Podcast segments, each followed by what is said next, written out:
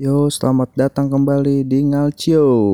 Ngobrolin Calcio Podcast seri A Yang ditemani oleh gua Iksan dan juga Mas Adit Chenko Ya, tadi di info di akun info seri A gue sempet bertanya kepada tifosi ya dengan hashtag cerita tifosi. Apa sih pertandingan atau pertandingan yang mana yang membuat kalian itu jatuh cinta kepada seri A ya. Mak jawabannya sih seru-seru banget tuh. Ya dan sebagian besar sih masih nempel di kepala ya. Kayak Lazio Inter di perebutan Scudetto tahun 2002 waktu itu. Terus ada laga terakhir perebutan Scudetto 2000 dan juga apa perebutan Scudetto 99 Piala Dunia 90 Piala Dunia 94 ya macam-macam lah tuh. Seru-seru banget sih cerita-ceritanya. Ya kali ini uh, mungkin mau nanya ke Mas Adit Chenko nih. Seperti di bukunya kan yang udah gue baca nih. Mas Adit itu baru mulai suka nonton bola di kelas 5 SD ya. Maksudnya kalau mungkin ya agak telat karena di tahun-tahun itu seri A itu sedang jaya tapi entah kenapa Mas Adit ini mulai sukanya baru kelas 5 SD dan apa aja sih pertandingan yang mana aja sih nih yang membuat Mas Adit begitu jatuh cinta kepada sepak bola? Boleh cerita sedikit Mas Adit? Ya makasih buat Ihsan uh, yang udah ngundang gue lagi dalam podcast info seri A Italia. Ngalcio ngobrolin Calcio dan kali ini uh, topiknya uh, lumayan menarik ya karena ini setiap orang pasti punya versinya sendiri-sendiri ya. Yaitu kapan atau bagaimana lah ceritanya pertama kali saat uh, menjadi pengikut setia sepak bola gitu khususnya sepak bola Italia ya. Dan kalau buat gue pribadi sih itu terjadi di tahun 94 ya di mana pada saat itu berlangsung Piala Dunia yang dilangsungkan di Amerika Serikat. Italia pada saat itu melaju hingga babak final. Ya, pertama kali gue menonton uh, game sepak bola secara penuh di layar kaca televisi itu Italia melawan Nigeria tahun 94 di babak per 8 final di mana pada saat itu Italia terseok-seok dulu uh, sebelum akhirnya bisa mencapai babak final dan gue melihat sendiri perjuangan uh, seorang Roberto Baggio juga pemain-pemain lain seperti Dino Baggio, Paolo Maldini, Franco Baresi dan kawan-kawan ya. Dan yang paling epic adalah kegagalan Baggio dalam menendang penalti membuat dia dipersalahkan ya padahal dialah orang yang bisa dibilang sangat berperan besar ya dalam membawa Italia ke babak final ya dan di babak final itu gue juga melihat seorang Franco Baresi ya yang kembali ya dengan dengan sangat dramatis. Dia mengalami cedera pada pertandingan kedua melawan Norwegia. Kemudian dia absen. Uh, dia harusnya dioperasi waktu itu tapi dia uh, dia tidak apa dia menolak untuk meninggalkan tim. Kembali ke Milan tapi dia uh, memilih untuk terus mendampingi tim sambil berharap Italia terus melaju hingga partai puncak dan itu akhirnya berhasil dan di partai puncak itu kita melihat uh, cara bertahan ya yang dilakukan oleh seorang Franco Baresi ya yang membuat dia dianggap sebagai salah satu back terbaik uh, sepanjang masa bisa dibilang ya di Italia dan juga di dunia. Kita lihat Franco Baresi di usianya yang sudah 34 tahun pada saat itu dia menghadapi dua penyerang tangguh Brazil yang sangat produktif dan hampir selalu mencetak gol dalam setiap pertandingan waktu itu yaitu duet Romario dan Bebeto ya. Dan Baresi waktu itu sendiri uh, bilang ya bahwa dia lebih uh, mengkhawatirkan bagaimana caranya menghentikan Romario dan Bebeto daripada menyembuhkan cederanya. Yaitu adalah sebuah sikap ya apa ya sikap profesional sejati lah yang ditunjukkan oleh kapten Italia pada saat itu. Dan dari situ gue melihat ya sepak bola itu seperti apa ya lebih dari sekedar permainan sih itu karena ada faktor uh, spirit ada kerja sama tim ada faktor yang mengutamakan uh, mengutamakan grup daripada individu dan juga ya ada ada ironinya juga gitu. Seorang Roberto Baggio yang berperan besar ya. Tapi kemudian dia dipersalahkan hanya karena sebuah kesalahan ya. Walaupun kesalahannya itu memang uh, menentukan ya. Tapi ya di situ kita bisa lihat juga bagaimana publik tuh bisa dengan gampangnya lah uh, bolak-balik ya pertama memuji lalu lalu mencela dan sebagainya. Itulah bagian dari drama sepak bola yang yang membuat olahraga ini sangat menarik untuk diikuti gitu ya. Ya dari situlah gue kemudian mengenal uh, Serie A Italia karena habis nonton Italia di Piala Dunia itu. Dan kemudian pada saat itu Milan sedang dalam performa yang baik ya sehingga mereka uh, mengikuti Liga Champions ya pada saat itu Liga Champions itu hanya diikuti oleh tim juara dari masing-masing liga ya sehingga pesertanya waktu itu masih 16 klub. Dan Milan pada saat uh, di Liga Champions musim 94-95 itu uh, mereka juga memiliki perjalanan yang mirip dengan timnas Italia tahun 94 ya di mana mereka terseok-seok di babak penyisihan grup uh, dua kali kalah melawan Ajax yang uh, dilatih Louis van Gaal dan kemudian mereka juga dihukum pengurangan poin karena uh, tifosi mereka melempar uh, kiper dari Casino Salzburg dengan botol gitu ya. Sehingga kemudian ini mewajibkan mereka untuk menang ya meraih uh, tiga poin saat uh, mereka bertandang ke Salzburg. Dan itu akhirnya berhasil dan mereka menang uh, lewat gol tunggal Daniel Masaro ya dari situlah perjalanan Milan itu sangat dramatis ya uh, di babak knockout. Itu kemarin ada yang nge-tweet ke akun gue juga waktu itu uh, Milan berhasil ngalahin Benfica dan juga PSG ya. Benfica diperkuat oleh Michael Predom kiper yang bisa yang saat itu terbaik dunia ya. Lalu kemudian PSG dengan duet David Ginola dan George Weah. Dan sebenarnya bukan hanya Ginola dan Weah aja yang benar-benar bikin PSG sangat kuat pada saat itu ya walaupun tidak punya uang sebanyak sekarang ya. Pada saat itu PSG memang diperkuat pemain-pemain pemain-pemain bertalenta dari eh, Prancis sendiri ya. Ada Bernard Lama, Paul Le Guen, Alan Roche, eh, Vincent Guerin dan lain-lain ya. Itu apa namanya menunjukkan bahwa PSG dulu juga sempat menjadi tim apa ya tim tim pujaan para penggemar sepak bola ya yang yang nggak senang sama tim-tim mainstream lah gitu ya. Dan Milan bisa mengalahkan tim itu lewat performa brilian Dejan Savicevic dan juga Zvonimir Boban ya. Mereka yang berperan besar membawa Milan ke babak final waktu itu. Uh, kembali menghadapi Ajax ya Milan akhirnya apa ya gagal sih mengalahkan Ajax pada saat itu dan Dejan Savicevic waktu itu nggak dibawa ke partai final karena uh, Milan merilis kabar dia sedang mengalami cedera ya. Padahal Savicevic sendiri dalam pengakuannya dia tidak mengalami cedera dan akhirnya Milan pada saat itu uh, lini tengahnya kalah dalam hal kreativitas dengan Ajax ya. Pada saat itu Ajax diperkuat oleh uh, Clarence Seedorf, Edgar Davids yang masih muda Lalu kemudian ada Frank Rijkaard juga yang yang mantan pemain Milan dan juga Patrick Kluivert, uh, backnya itu Danny Blind, kipernya itu Edwin van der Sar. Ya itu adalah skuad legendaris yang yang rata-rata pemain-pemain mudanya itu kemudian angkat nama ya dan menjadi pemain-pemain kelas dunia. Dan Milan pada saat itu kalah karena apa ya kalau ya kalau waktu itu gue baca analisa yang ditulis oleh wartawan itu karena memang selain nggak memainkan Savicevic itu mereka juga telat dalam memainkan uh, Gianluigi Lentini ya. Lentini itu baru masuk uh, pas pertandingan sudah mau selesai dan pas pada saat dia masuk itu uh, serangan Milan tuh jadi lebih berbahaya gitu sejak dia masuk.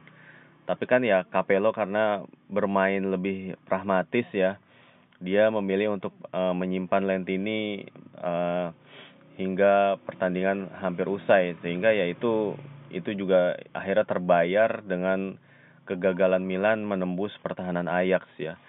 Tapi ya pertandingan itulah dan juga rangkaian uh, perjuangan Milan di Liga Champions itulah yang kemudian membawa gue untuk mengikuti uh, kompetisi Serie A lah pada umumnya ya. Selain juga pada selain juga Milan ya uh, apa namanya gue sih berusaha untuk mengikuti hampir semua pertandingan pada saat itu ya karena waktu zaman itu masih banyak waktu luang ya dan masih banyak apa namanya ya itu dia belum belum ada kewajiban ini itulah uh, sebagai uh, pekerja kantoran gitu ya.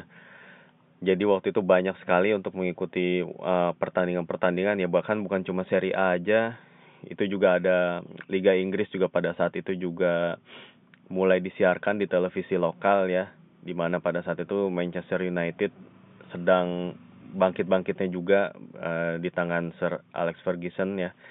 Tapi ya uh, Serie A pada saat itu memang lebih menarik ya.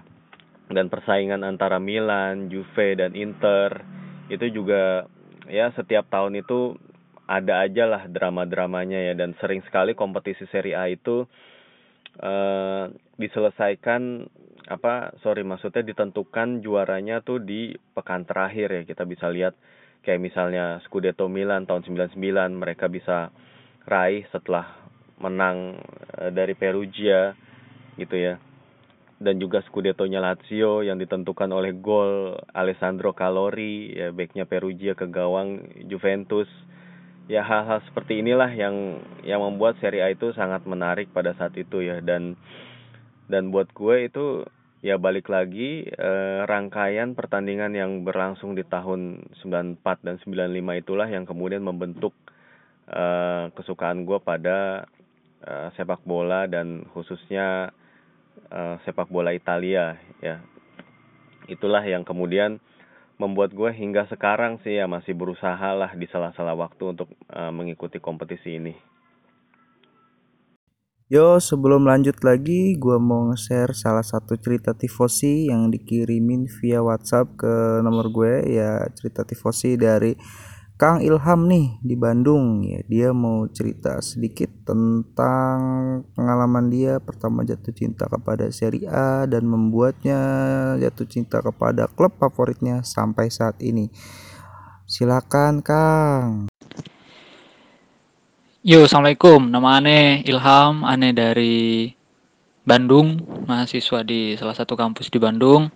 Nah, aneh mau cerita dikit tentang uh, pengalaman aneh mendukung Juventus dan ngikutin Serie A dan ya tertarik ke sepak bola lah. Nah, jadi sebenarnya aneh itu tahu sepak bola tuh udah dari dulu. Jersey pertama yang dibeliin orang tua itu jersinya Milan kalau gak salah tuh 2003 atau 2004 gitu Milan warna putih nomor punggung 7 Shevchenko nah itu terus pas Piala Dunia 2006 juga sering ikutan nonton ikutan keluarga nonton ya. Karena keluarga aneh juga tetangga-tetangga aneh juga banyak yang suka nobar jadi ikutan lah ikutan nobar. Terus Nah habis itu cuma sekedar nonton doang, ada pertandingan rame yang nonton ya aneh ikutan juga, ada gol ya ikutan teriak juga, tanpa mendukung siapa-siapa gitu. Jadi ya udah yang menang yang kalah terserah. Nah berlanjut juga pas ke aneh SMP di SMP itu ada dua kubu besar kan. Ya biasalah Madrid sama Barca lagi bagus-bagusnya lagi uh, hype-hype-nya anak-anak masa-masa waktu itu 2009 2010-an nah itu ya aneh juga yang ngikut-ngikut aja. Uh, ada yang nonton Barca ya aneh ngikut nonton Barca. Ada yang nonton Madrid aneh ikut juga nonton Madrid.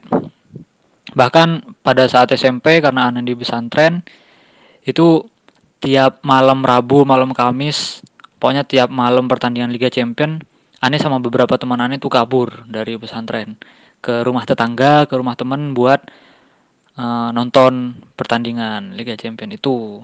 Nah, titik baliknya Ani ngikutin Serie A itu karena Juventus. Jadi walaupun jersey pertama Ani itu Milan, tapi klub yang Ani dukung tuh sampai sekarang alhamdulillah ya Juve.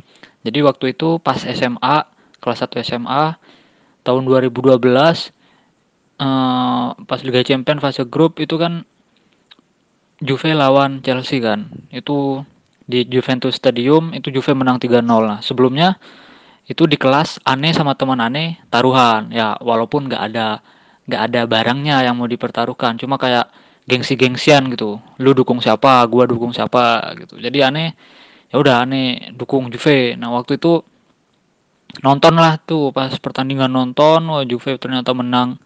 Dan dari situ aneh ngeliat kok bagus gitu ya pertandingannya ini. Nah dari yang awalnya aneh cuma sekedar ngikut-ngikut aja nonton bola tanpa uh, nyari tanpa mensupport lebih dari situ aneh mulai support Juve nih jadi aneh mulai cari-cari sejarah Juve mulai baca-baca mulai ngikutin beberapa pemain Juve ya walaupun waktu itu cuma sekedar di Facebook doang nah dari situ nggak cuma ke Juve-nya tapi berlanjut ke ngikutin eh, info-info transfer di liga lain, ngikutin perkembangan klub liga lain, ngikutin Serie A juga, ngikutin Liga Champions secara umum juga. Nah, jadi intinya yang bermula dari ngedukung Juve sampai uh, membuka wawasan orang tentang sepak bola lah. Jadi sekarang sama teman-teman kalau misalkan diajak ngobrolin tentang sepak bola, kecuali sepak bola Indonesia ya, nah itu masih rada nyambung lah. Kalau diminta tentang pendapat transfer ini transfer ini ya sekedar subjektivitas masih rada nyambung juga gitu. Dan intinya dari Juve ini dan dari Serie A ini aneh uh, dapat pelajaran bahwa sesungguhnya sepak bola itu tidak cuma untuk ditonton doang agar nikmat, tetapi cara menikmati sepak bola adalah dengan mendukungnya sepenuh hati. Gitu men. Ya, thank you men. Ya, itu tadi cerita dari Kang Ilham di Bandung ya, salah satu mahasiswa di Bandung. Terima kasih banyak Kang Ilham sudah berbagi cerita tifosi bersama info seri A. Ya, gue lanjut lagi bertanya kepada Mas Adit Chenko. Ya, selain tujuh tim yang paling kita kenang di seri A era 90-an, tentu saja ada juga banyak klub yang sesekali mencuri perhatian kita nih di era itu seperti Perugia, Regina, Pecenza, atau Bari, atau uh, mungkin Messina, Salernitana dan macam-macam tuh. eh, klub-klub itu sepertinya lama tenggelam dan bermain di kasta di bawah seri A dan sulit untuk bangkit nih. Uh, mungkin Mas Adit bisa cerita sedikit tentang klub-klub itu dan uh, kondisi finansial saat ini dari tim-tim itu yang Mas Adit ketahui ya seperti cerita yang belakangan ini sempat heboh tuh tentang Bari yang ingin dibeli sama presidennya Napoli itu boleh cerita sedikit tentang itu Mas Adit? Ya oke okay. orang mungkin akan banyak mengingat uh, kiprah Sete Sorele yaitu tujuh klub yang memang uh, tampil sangat baik, tampil sangat memukau pada tahun 90-an yaitu Eh, Milan, Inter Juventus, Roma Lazio, Fiorentina, dan juga Parma. Ya klub-klub inilah yang silih berganti menempati papan atas Serie A dan mereka juga diperkuat oleh pemain-pemain yang ikonik ya seperti Batistuta dan Rui Costa di Fiorentina, juga Turam, Cannavaro dan Buffon di Parma, Zidane, Del Piero, Inzaghi di Juventus ya dan lain sebagainya lah. Itulah yang membuat seri A ini sepertinya lekat di ingatan uh, para penggemar sepak bola yang mulai menonton pada tahun 90-an atau 2000-an awal ya.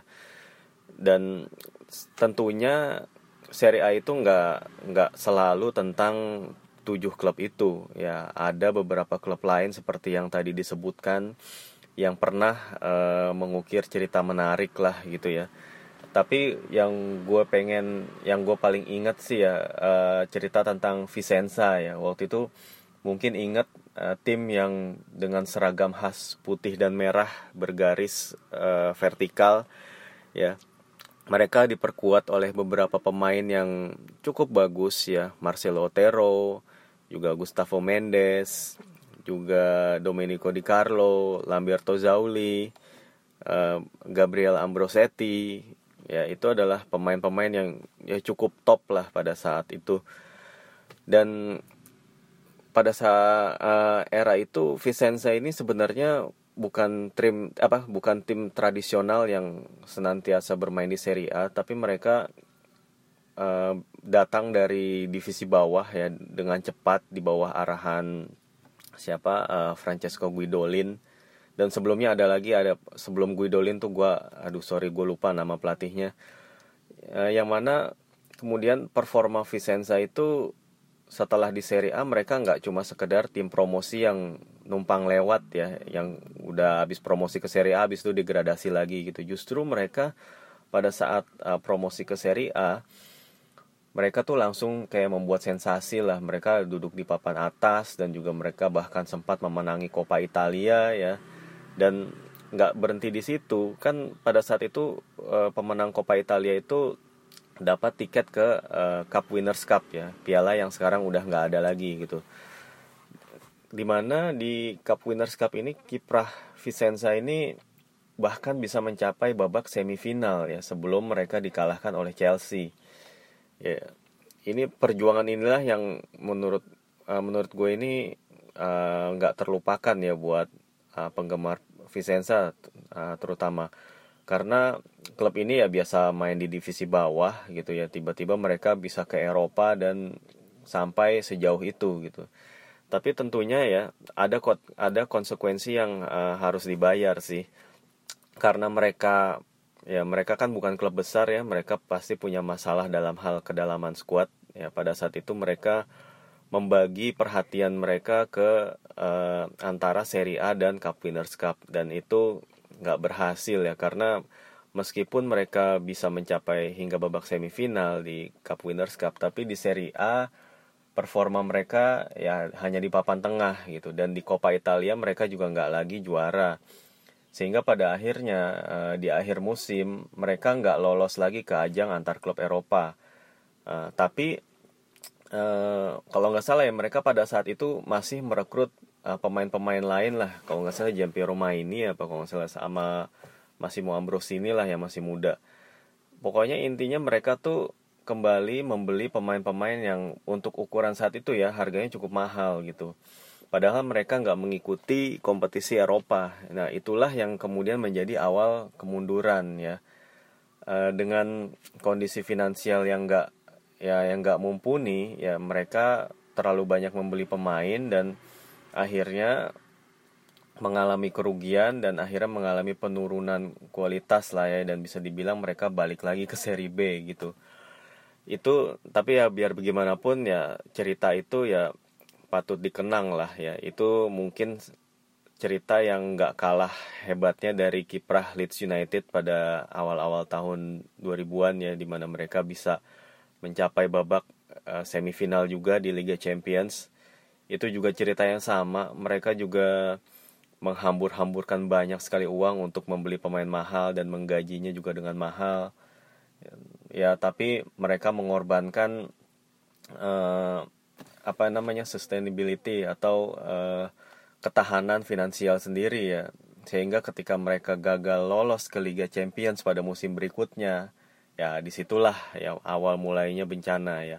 Bahkan apa yang dilakukan oleh Leeds itu bikin orang banyak yang meminjam istilah doing the leads ya.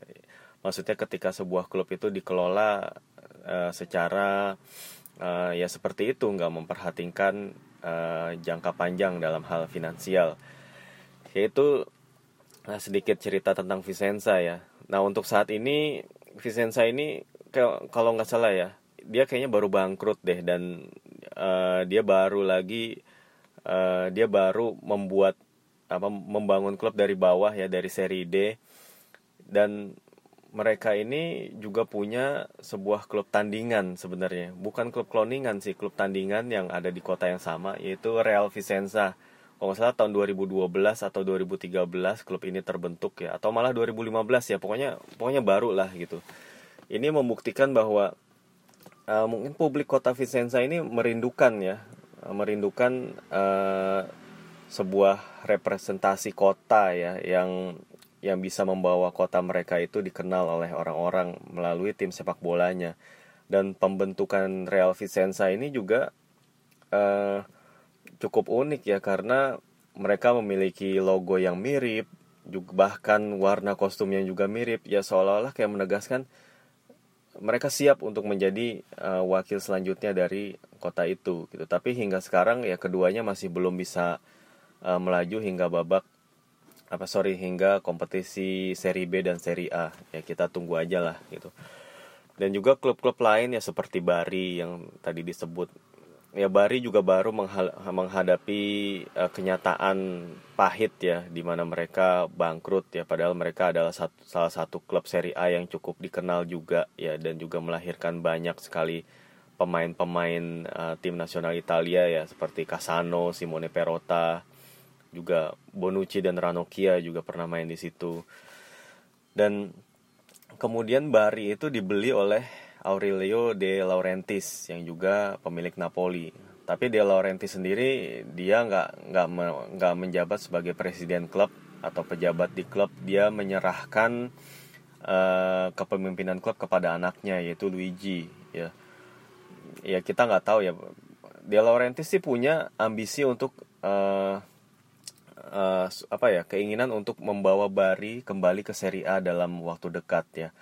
Dan menurut gue ini ini bukanlah uh, mungkin bisa jadi ini bukan sebuah janji belaka ya. Karena Laurenti sendiri eh, ketika dia apa pertama kali membeli Napoli 14 tahun lalu itu Napoli sedang dalam posisi terpuruk dan kita bisa saksikan sekarang Napoli sudah berada di jajaran papan atas Italia yaitu kita bisa lihat apakah hal yang sama dia bisa bawa ke Bari gitu walaupun uh, ada keraguan juga ya dari publik bahwa mampukah dia membagi fokus gitu. Walaupun dia sendiri uh, bilang bahwa Napoli dan Bari adalah dua dua klub yang berbeda, dua entitas yang berbeda yang yang patut uh, dijaga masing-masing uh, karena mereka punya sejarah masing-masing, punya pendukung masing-masing ya.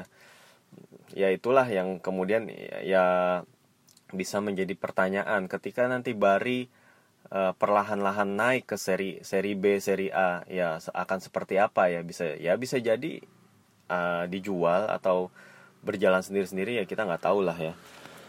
Tapi ya by the way itu adalah ya salah satu cerita yang menarik ya paling nggak kita bisa berharap sebuah klub klub klasik ya seperti Bari akan cepat kembali lagi ke seri A. Dan juga ada ada klub-klub lain yang juga disebut namanya tadi Perugia, Messina, Salernitana, Regina ya. Kalau ditanya kondisi finansialnya seperti apa sekarang terus terang gue nggak pegang datanya ya kita kita tahu sendiri kalau untuk mencari data klub-klub data keuangan apalagi data keuangan klub-klub seri B atau seri C Italia itu kan eh, nggak uh, gampang untuk didapat ya tapi uh, kalau kita bisa lihat itu bisa aja ada ada apa ada cerita-cerita yang menarik ya. Kayak misalnya Parma pada saat mereka di seri B mereka kan dibeli oleh Jian Lizang yaitu uh, apa namanya owner dari sebuah konglomerasi dari Cina gitu kan.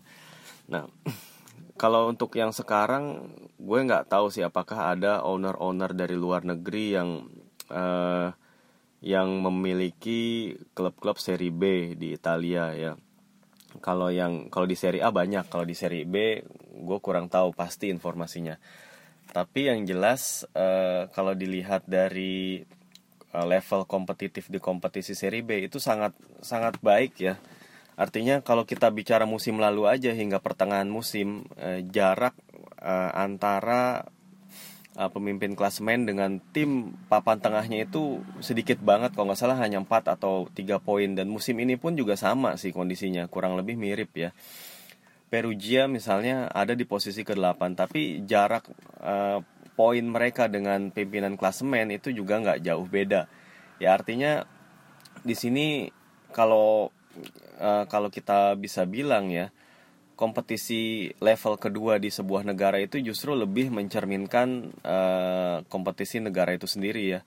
Karena kalau sudah di level atas ya itu sudah banyak sekali pemain-pemain asing pemilik asing ya yang mana kalau kita berbicara tentang uh, ya dalam tanda kutip kemurnian ya atau jati diri ya itu justru kalau kompetisi yang level atasnya itu udah udah sangat uh, levelnya udah level internasional lah udah bukan lokal lagi gitu yang itulah yang membuat kompetisi level kedua seperti Serie B atau Championship Division itu juga sebenarnya cukup menarik untuk diikuti ya dan untuk cerita menarik yang lain, gue rasa pernah ada di Messina ya pada saat Messina bermain di Serie A tahun 2000-an awal.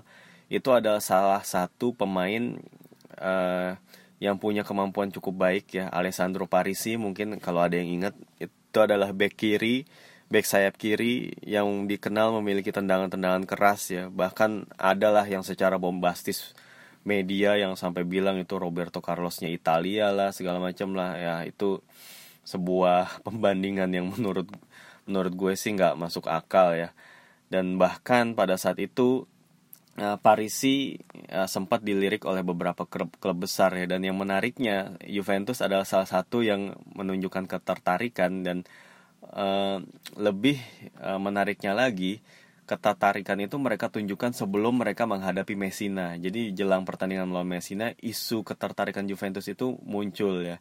Ya mungkin itulah adalah salah satu bentuk war terhadap uh, si pemain sendiri atau terhadap klubnya. Karena terbukti abis itu Juventus menang sih lawan Messina ya. Ya kita nggak tahu juga sih. Dan ya tapi yang pasti cerita-cerita seperti itu ada ya dan ke, untuk klub seperti Salernitana itu juga kita nggak bisa lupa bahwa klub inilah yang memperkenalkan Gennaro Gattuso dan juga Marco Di Vaio ya dan klub seperti Regina itu juga ya salah satu yang terlibat dalam Calciopoli ya tapi mereka juga memperkenalkan Susuke Nakamura dan juga mereka pernah mengasah bakat ya, Andrea Pirlo dan juga playmaker seperti Francesco Cozza dan kawan-kawan ini adalah ya ya klub yang sebenarnya klub ya apa namanya punya tempat lah di mata penggemar-penggemar Serie A ya. Dan kita tentunya berharap uh, dengan uh, kiprah mereka yang positif ya. Terutama sih kalau kita berbicara ya Perugia ya. Perugia itu dilatih oleh Alessandro Nesta ya. Kita akan melihat kalau seandainya Nesta bisa membawa Perugia ke Serie A uh, musim depan, kita bisa lihat nanti di Serie A ini uh, pelatih-pelatihnya adalah kebanyakan mantan pemain-pemain pada tahun 90-an. Ya, ada Gattuso di Milan, ada Inzaghi bersaudara di Polonya dan Lazio. Ya, kita bisa lihat dan juga kalau Nesta uh, bisa membawa Perugia promosi ya ini akan semakin menarik tentunya. Ya, kita lihat aja nanti ya. Ya, mungkin uh, podcast kita kali ini sebelum kita tutup kita ingin bertanya dulu nih tentang pada Mas Adit tentang pertandingan-pertandingan yang akan berlangsung di Giornata 17 nanti nih. Beberapa pertandingan menarik di antaranya ada Lazio Cagliari, Milan Fiorentina, Empoli Sampdoria, terus Napoli Spal, uh, Inter dan salah satu grande partita di giornata ini antara Juventus melawan Roma. Ya, boleh sedikit prediksinya Mas Adit tentang pertandingan-pertandingan tersebut? Apakah akan ada kejutan ataukah bagaimana nih? Karena nih mungkin jika melewati pertandingan ini mungkin Juventus nih benar-benar menjadi tim yang sulit dikejar nih dengan selisih poin dari tim-tim di bawahnya nih karena ya begitulah ya untuk seri A pekan ini hanya ada satu big match yaitu Juve lawan Roma ya. Tapi bukan berarti pertandingan yang lain juga nggak kalah seru sih. Seperti ya tadi Kievo Inter ya itu itu menurut gue sih buat Kievo ya agak sulit ya untuk menghadang Inter ya. Walaupun ya kita kita juga bisa bilang itu bukannya tidak mungkin ya.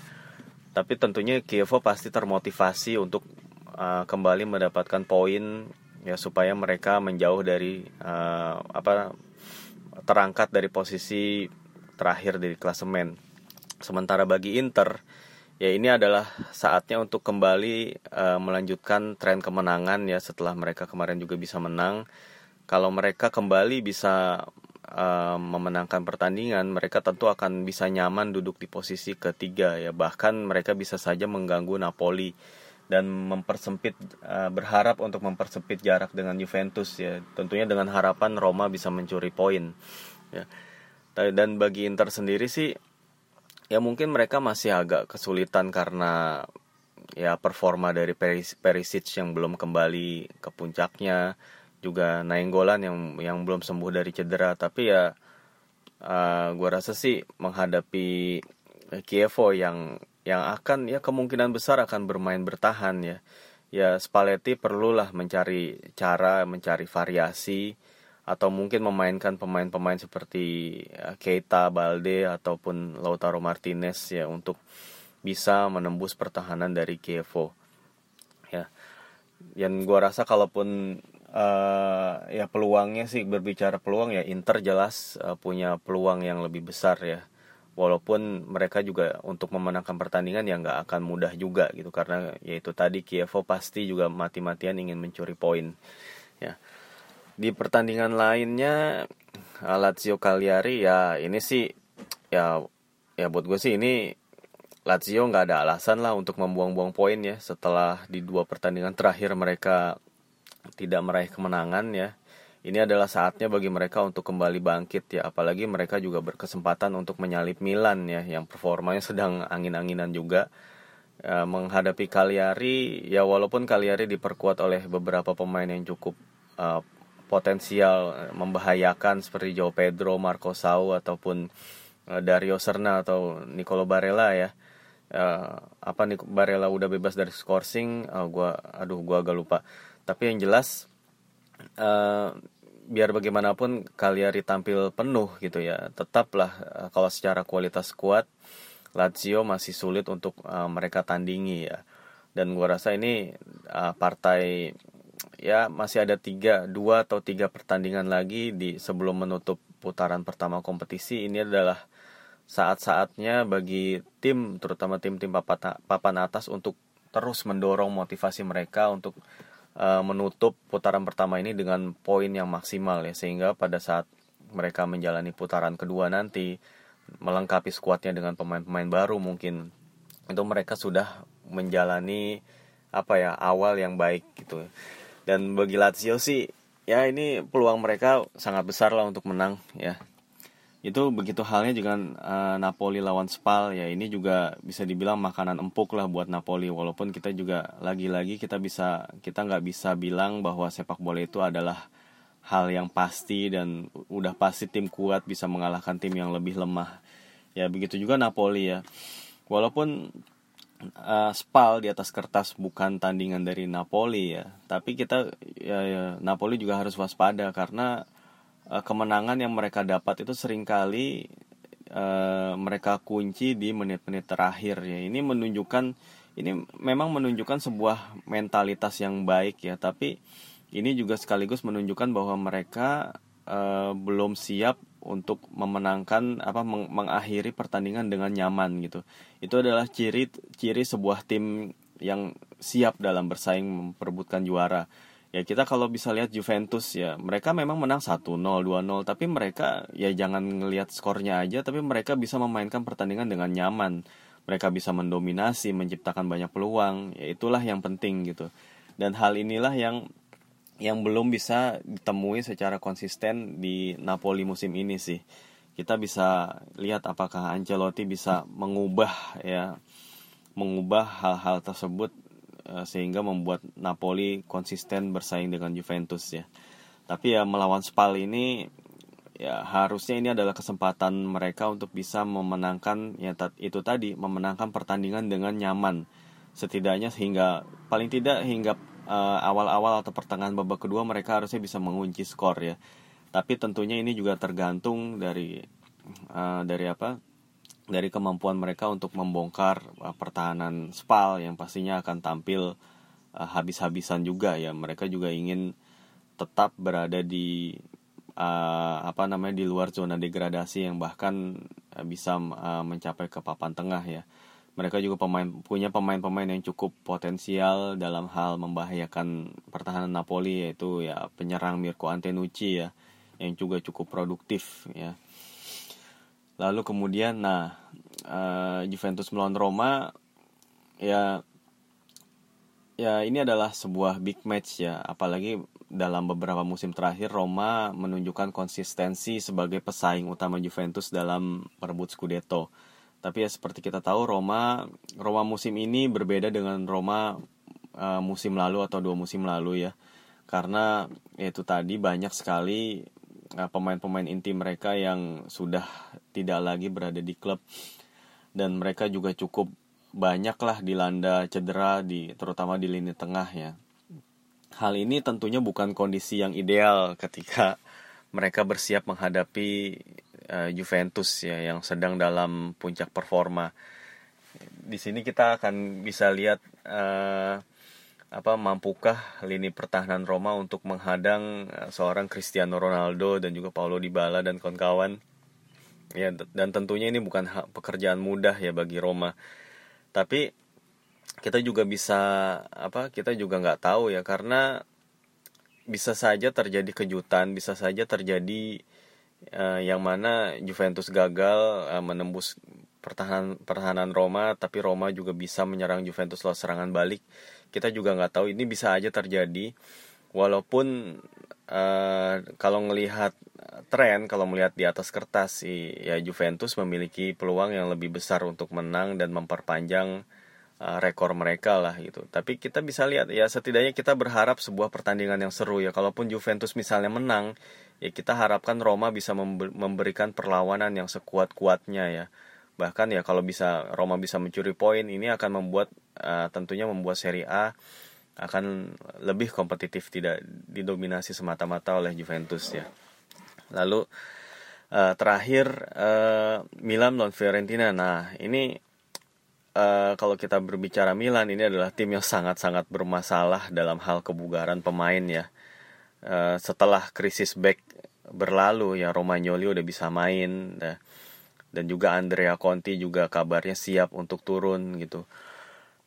Ini giliran lini tengah ya uh, udah ditinggal Lucas Bilia dan Jack Bonaventura yang cedera panjang.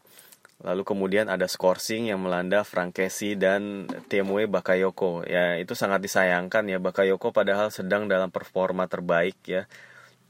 Dia ketika dia dipercaya tampil, dia justru menjadi penyeimbang yang sangat baik lah, penghubung yang sangat baik antara lini belakang dan lini tengah dan bahkan Bakayoko juga dengan sprint dengan gocekan dia dia juga sesekali bisa menembus apa melakukan penetrasi hingga ke uh, daerah half space dari lawan ya. Kita bisa kita sangat menyayangkan sekali lah absennya Bakayoko di pertandingan melawan Fiorentina ini.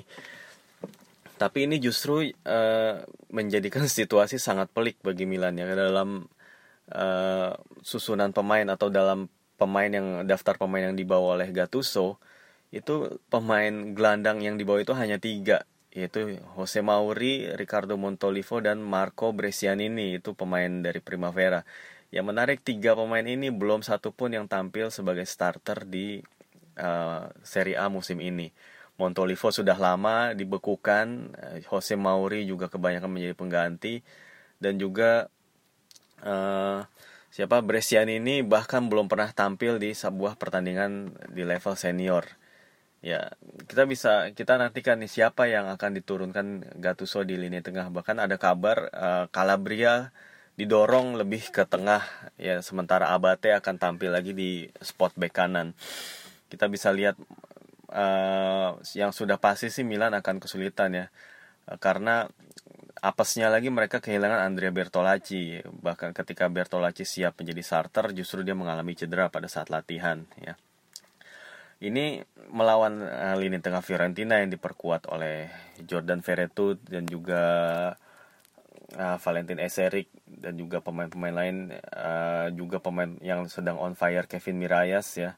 Dan lini serang yang juga sangat berbahaya uh, Federico Chiesa, Giovanni Simeone ini patut diwaspadai ya walaupun Milan musim lalu berhasil mengalahkan Fiorentina dengan skor 5-1 rasanya sulit untuk berharap skor tersebut atau jalannya pertandingan seperti itu akan terulang lagi ya. Karena Fiorentina juga tengah dalam motivasi yang besar ya. Dan juga mereka pasti akan memanfaatkan kepincangan dalam lini tengah ya, Milan ya. Kita bisa kita akan bisa saksikan uh, bomber-bomber Milan ini akan kembali sulit untuk mendapatkan suplai bola ya. Siapa pun yang dimainkan entah itu Higuain atau Cutrone ya. Yang pasti uh, kita menantikan peran dari pemain winger seperti Calhanoglu atau so, atau apa Castillejo ataupun Suso. Mereka lah yang menjadi tumpuan ya dalam hal kreativitas uh, yang memberikan umpan-umpan terobosan atau atau umpan-umpan silang yang bisa dicapai oleh Higuain ya. Tapi repotnya sendiri Higuain juga sudah enam pertandingan tidak bikin gol yang di mana ini ini adalah kondisi yang sangat aneh bagi seorang Higuain karena Higuain itu adalah seorang pencetak gol yang konsisten sejak awal karirnya tapi baru kali inilah rasanya Higuain menjal menjalani periode tanpa gol gitu.